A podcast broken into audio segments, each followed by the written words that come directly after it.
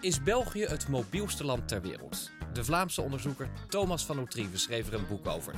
Een gesprek met hem over het sociaal belang van mobiliteit en het verschil tussen Nederland en België.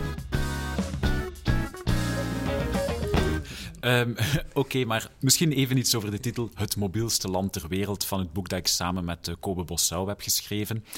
U moet weten dat in 1968, is weer even geleden, eh, schreef een bekende Belgische modernistische architect het boek Het lelijkste land ter wereld, waarin hij de ruimtelijke ordening in België eigenlijk aankloeg. En het is een knipoog daarnaar, maar niet zomaar een knipoog. Het boek gaat over mobiliteit. En België heeft al een lange traditie, meer dan een eeuw, van echt een pendelaarsland te zijn. We hebben ook een, een gemiddelde pendelafstand van 20 kilometer. Dus België is echt wel mobiel. We vinden het blijkbaar minder erg dan anderen om langer onderweg te zijn naar het werk en om ook graag te blijven wonen waar we geboren en getogen zijn. En dat verklaart eigenlijk waarom het zo mobiel is in België. We zijn heel mobiel, ja, we leggen heel wat kilometers af. Uh, en Mobiliteit is dikwijls ook een klein beetje goedkoper dan in het uh, buitenland, omdat we ook als de, de, overheden het graag subsidiëren met uh, zowel tegemoetkomingen voor het uh, OV als um, bedrijfswagens, waar we heel gul in zijn, um, als dat ook in uw belastingen de fiscale regeling het heel interessant is, fiscaal gesproken, om eigenlijk wel wat kilometers af te leggen. Heeft dat ook te maken met hoe het planologisch in elkaar zit? Want als ik dan Nederland en België met elkaar vergelijk, ja, Nederland natuurlijk allemaal van die mooie geschakelde woonwijken rondom voorzieningen. België veel meer lintbebouwing. Um, heeft dat daar ook mee te maken? Dat heeft inderdaad in belangrijke mate te maken met mobiliteit. Uh, we moeten eigenlijk teruggaan, zeker tot de tweede helft van de 19e eeuw, waar dat er massaal werd geïnvesteerd, uh, niet enkel in de spoorwegen, dat was al langer aan de gang, maar in buurtspoorwegen. Dus eigenlijk de tram, um, dus kleinere treintjes die zowat elk dorp aandeden. En was heel bewust, zodat de mensen konden blijven wonen op het platteland, in het platteland. Um, en ze in de stad konden gaan werken. Dat was goed voor de economie, maar ze bleven wel onder de controle, onder de kerktoren, uh, in de lokale gemeenschap. En ze konden ook een groententuintje hebben. Dan konden we die lonen nog wat laten zakken. Uh, en, want ze konden dan wat uh, overleven. Dus in de 19e eeuw, tweede helft zeker, ligt de oorsprong. En dat heeft zich dan ook verder gezet toen de auto opkwam, zeker na de Tweede Wereldoorlog. is die cultuur van het pendelen, van je woont waar je wilt en je kan gaan werken waar dat de jobs zijn om dat te subsidiëren en in stand te houden, is een heel bewuste politieke keuze geweest in België. Maar dat lijkt me ook een enorm kostbare keuze. Zoveel stationnetjes overal, misschien onrendabele lijnen. Dat klopt. Er zijn inderdaad, zoals in de meeste landen, wel wat uh, stationnetjes verdwenen en lijnen gesloten. Maar we hebben nog altijd een heel dens uh, spoorwegennetwerk. Zeker in bijvoorbeeld Oost-Vlaanderen uh, en Henegouwen is dat nog heel goed zichtbaar. De kost, ja, die is er zeker. Um, we wonen ook graag in linten, grote percelen. Dat wil zeggen, langere gasleidingen, langere elektriciteitsleidingen, meer beton, meer asfalt. Um, de leveringen van pakjes, um, maar evengoed de verpleegster die aan huis komt. Ook dat allemaal uh, kost meer, omdat er meer kilometers worden afgelegd. Ja, en er wordt dus meer gependeld. Daar hadden we het net al eventjes over. Want dat is dus uh, waarom België ook het meest mobiele land ter wereld is. Is dat uh, een, een zegen of een vloek voor het land, dat gependel? Ja, goeie, zeer goede vraag. Uh, uiteraard, als je kijkt naar milieuvervuiling, klimaatimpact en, en dergelijke, ook het ruimtebeslag, hè, dus uh, alles verharden, is dat niet zo'n goede zaak.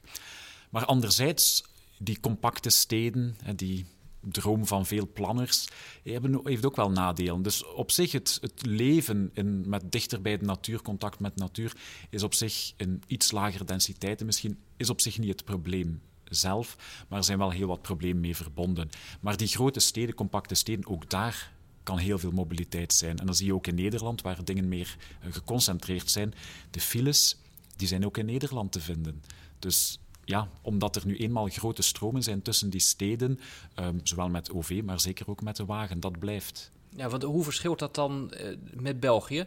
Is, is, is daar dan toch minder die, uh, die link met die steden en, en, en minder die, die, die drang om naar die steden toe te gaan?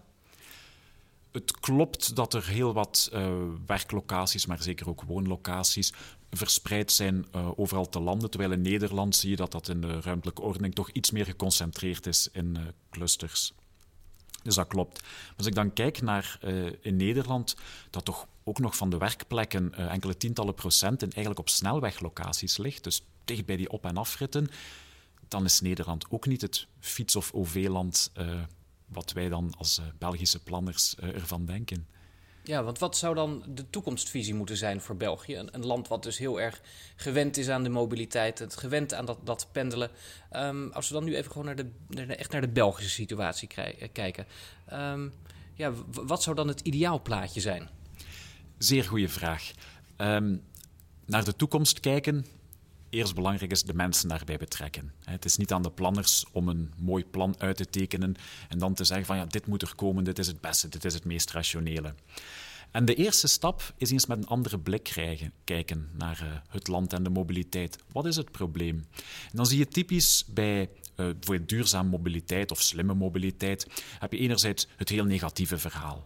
Van, het gaat over roetwolken en fijn stof en klimaatimpact en allemaal auto's en we moeten minder parking, minder auto's, minder vrachtwagens. Vrolijk word je daar niet van. Anderzijds heb je dan het hele technologische verhaal. Met allemaal um, nieuwe technologieën, elektrische wagens, zelfrijdende wagens, uh, alle soorten nieuwe fietsmodellen en slimme applicaties gaan we ook alles oplossen. Um, zonder technologie, dan gaat het niet. Aandacht voor milieu is zeker nodig. Maar de vraag die we echt moeten stellen is: wat willen we wel? Welk soort stad willen we? Welk soort samenleving? Hoe willen we dat allemaal organiseren? Welke economie willen we? Daarover gaat het. En dan moeten we toch wel eens, eens nadenken: wat zijn de criteria? Willen we gewoon minder files? Krijgen die files niet misschien al genoeg aandacht? Moeten we niet hebben over mobiliteit? Die hebben we heel veel. Moeten we die iets rechtvaardiger verdelen? En dat is interessant dat je nu ziet in de literatuur, bijvoorbeeld Karel Martens, hij heeft zijn roots in Nederland, um, die in 2017 zijn ja, meesterwerk geschreven heeft uh, over uh, transport en rechtvaardigheid. En daar internationaal ook uh, voor wordt gewaardeerd.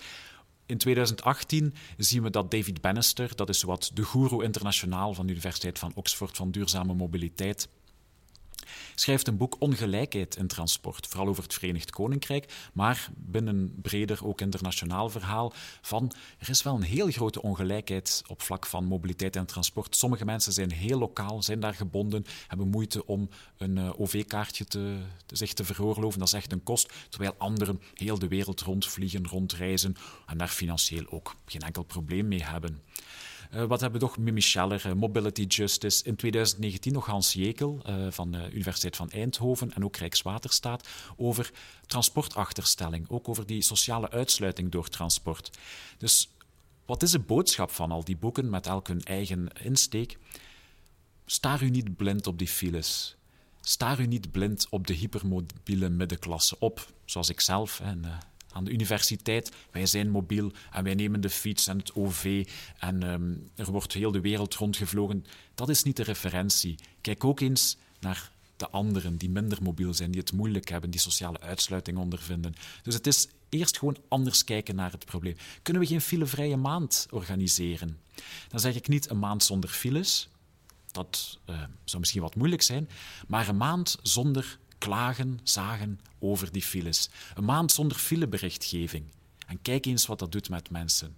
En geef dan ander nieuws over een nieuwe OV-verbinding, over het belang van de fiets, over dat soort verhalen. Mensen die ergens moeilijk geraken, heb daar wat meer aandacht voor. En dan kunnen we beginnen denken in een dialoog aan het, ja, die ideale wereld waar we van dromen. Ja, dus het zit hem eigenlijk met name in de manier waarop we naar het hele probleem kijken. En als je dat nou dan die vergelijking maakt tussen Nederland en België, um, zie je dan dat, die, dat er in België op een andere manier nu al naar dat hele mobiliteitsvraagstuk wordt gekeken dan in Nederland? Je ziet toch een sterk, um, veel overeenkomsten, een sterke verband tussen Nederland en België, ook internationaal. Of het nu gaat over deelmobiliteit, mobility as a service, dat, dat zijn ideeën die internationaal circuleren, die overal gebeuren.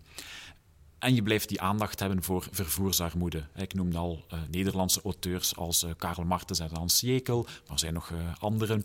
En ook in België proberen we toch hier en daar de aandacht te richten op vervoersarmoede of bereikbaarheidsarmoede of transportachterstelling. Het heeft verschillende namen. Aandacht voor te hebben. Maar het blijft echt wel iets marginaal. En ook in Nederland, waar wij denken dat is het fietsland, het OV-land daar zien we dat de files ook het, wereld, het grootste wereldprobleem zijn volgens veel stemmen. En is dat niet een beetje overdreven? Um, om nu te zeggen dat het gewoon een luxe probleem is, dat is ook uh, te veel van het goede. Maar um, ook daar zien we dat die, die framing van de problemen heel gelijkaardig is. Ja. Maar we hebben elk onze uitdagingen. Nederland is Um, heb je die ruimtelijke ordening die wat compacter is, um, meer geconcentreerd, ruimtelijk gesproken. In België die sprawl, die ja, eindeloze lintbebouwingen, huizen die overal staan. Dus dat zorgt wel wat voor uitdagingen. Maar dan moet je ook kijken naar de vastgoedsector. Huizenprijzen in België blijven iets goedkoper zijn.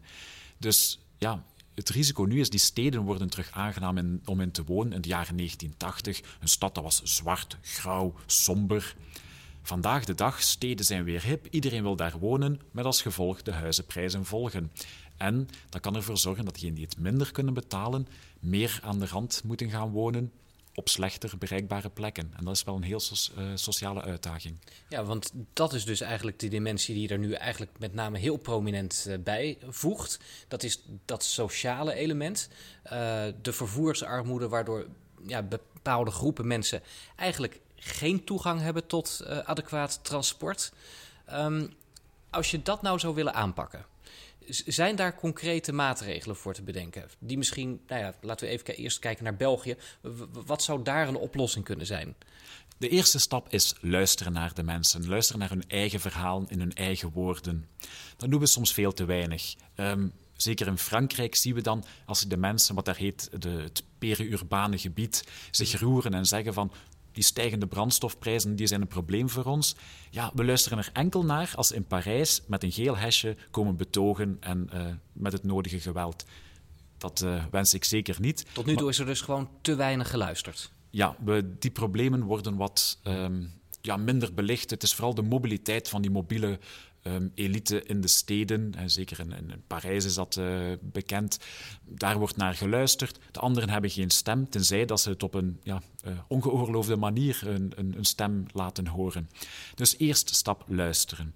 Een tweede is ook, um, we zien heel veel over men noemt dat deeleconomie, maar eigenlijk gaat het over een huureconomie. Want delen wij een step, delen wij een Greenwheels-wagen, delen wij um, OV. Nee, we huren eigenlijk of we kopen een dienst. Je moet daarvoor betalen. En dan gaat men commerciële tarieven en een commerciële logica uh, toepassen. En um, dat is voor die mensen, ja, het hangt af van de betalingsbereidheid. Maar die willen misschien wel betalen, maar als je de middelen niet hebt, is dat ook moeilijk. In tijd en het debat in Polen en de Baltische Staten leeft het nog wat uh, over bijvoorbeeld gratis openbaar vervoer. Dat wordt um, hier gezien als uh, vloeken in de kerk. Of als, uh, ja, dat kan niet, dat is niet rationeel, dat is niet economisch. Ja, maar als we openbaar vervoer zien als deel van de publieke ruimte, is het dan zo'n Gewoon infrastructuur die voor iedereen beschikbaar zou moeten zijn. Ja, dat idee. Um, kunnen we dat zomaar doen? Ja, het risico is dan inderdaad dat alles overvol zit, dat het ook, het vergt wel wat middelen. Um, maar denk er eens over na, zeker voor kansengroepen. Uh, ruimtelijke ordening. Dus centralisering van diensten. dan uh, grote gemeenten en die hebben maar één bibliotheek. En ja, de buurtsuperetten, uh, in de steden heb je die, maar daarbuiten al wat minder. Um, gewoon nadenken, maak een kaart elke keer voor elke stad. Waar zijn de bakkers? Waar zijn de supermarkten? Waar zijn de scholen? Waar zijn de uh, gemeentelijke diensten? Waar is het ziekenhuis? Waar zijn de dokters? Inventariseer dat en kijk, kan iedereen dat bereiken? Waarom zou een winkel meer dan een kilometer ver moeten zijn? Dus eigenlijk zeg je daarmee van het mobiliteitsvraagstuk moeten we misschien niet op willen lossen met meer mobiliteit. Nee, uiteraard niet. Nabijheid is het, een zeer belangrijk concept. Want dan kan je wandelen, fietsen. Waarom? Hè, om te gaan winkelen, en zeker de dagelijkse goederen, om naar school te gaan.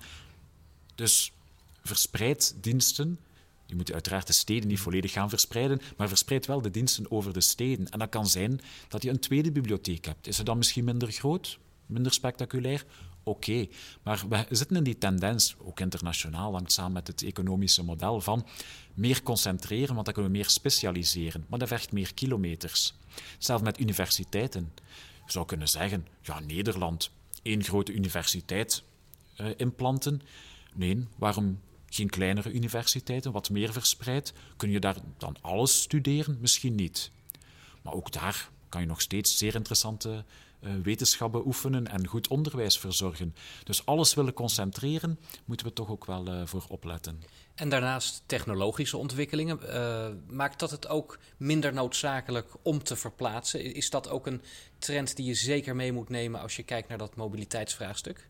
Ja, inderdaad. Bij duurzame mobiliteit schonere technologie, uh, andere vervoerswijzen, hè, dus van de auto op de fiets bijvoorbeeld, ruimtelijke ordening, maar ook wat dan heet substitutie, af en toe een verplaatsing vervangen door uh, tegenwoordig is dat communicatietechnologie. Je kan uh, telefonisch of uh, met allerhande teleconferencing technologie verplaatsingen vermijden. Alleen blijkt in de praktijk dat dat ook nieuwe verplaatsingen genereert. Want je kan makkelijk communiceren met een collega in Australië of Nieuw-Zeeland.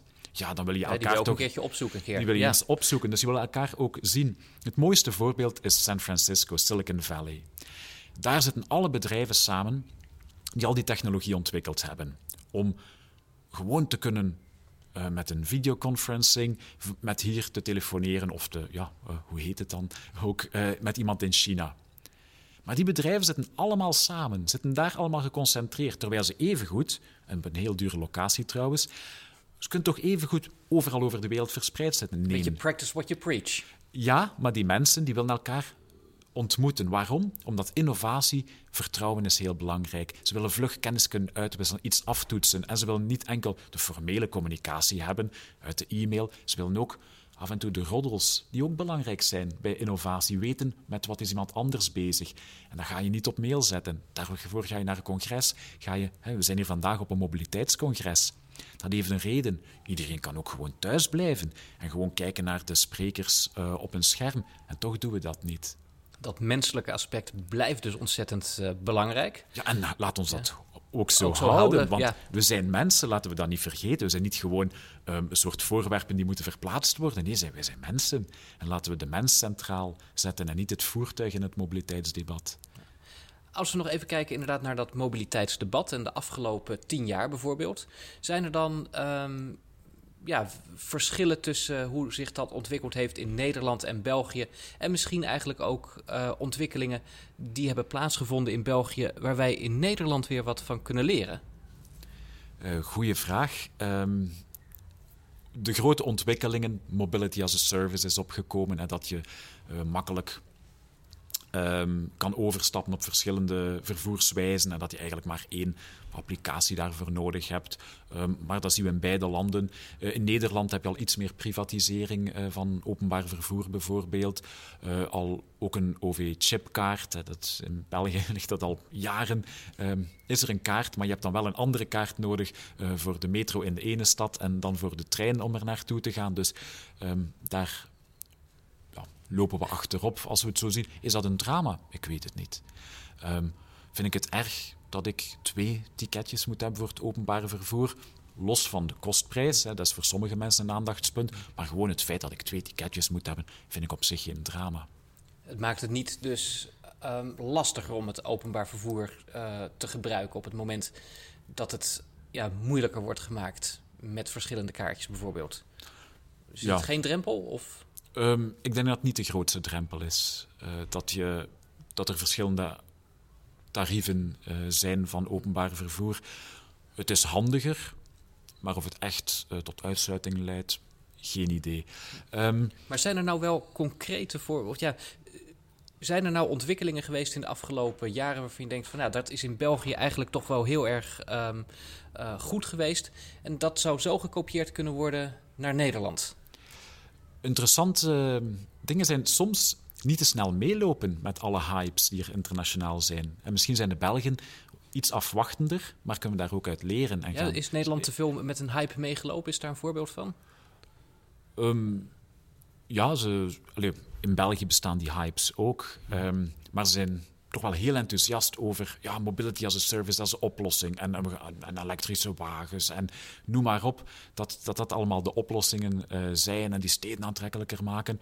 Misschien zijn we in België iets afwachtender en kunnen we dan ook kijken van, ja, gaan die, uh, die kinderziektes, hè, die, die eerste fouten, uh, kunnen we misschien vermijden. Maar heel interessante evoluties hebben we bijvoorbeeld mooie verschillen, discussies over gaan we alles via beprijzen oplossen of kan je ook door een circulatieplan in een stad al veel doen. Bijvoorbeeld Gent is daar een voorbeeld van, waar dan uh, bepaalde bruggen en, en straten niet langer toegang, of kunnen doorkruist worden door auto's die dan ja, de ring moeten nemen.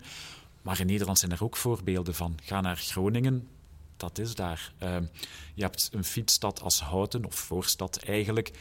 Het ligt daar. Dus ik hoorde daar net in, in een lezing over ja, de fietssnelwegen of fietsostrades. Het heeft verschillende namen. Dat missen we nog wordt uitgebouwd in, um, zeker in het Vlaamse gewest, dus in het noorden van België.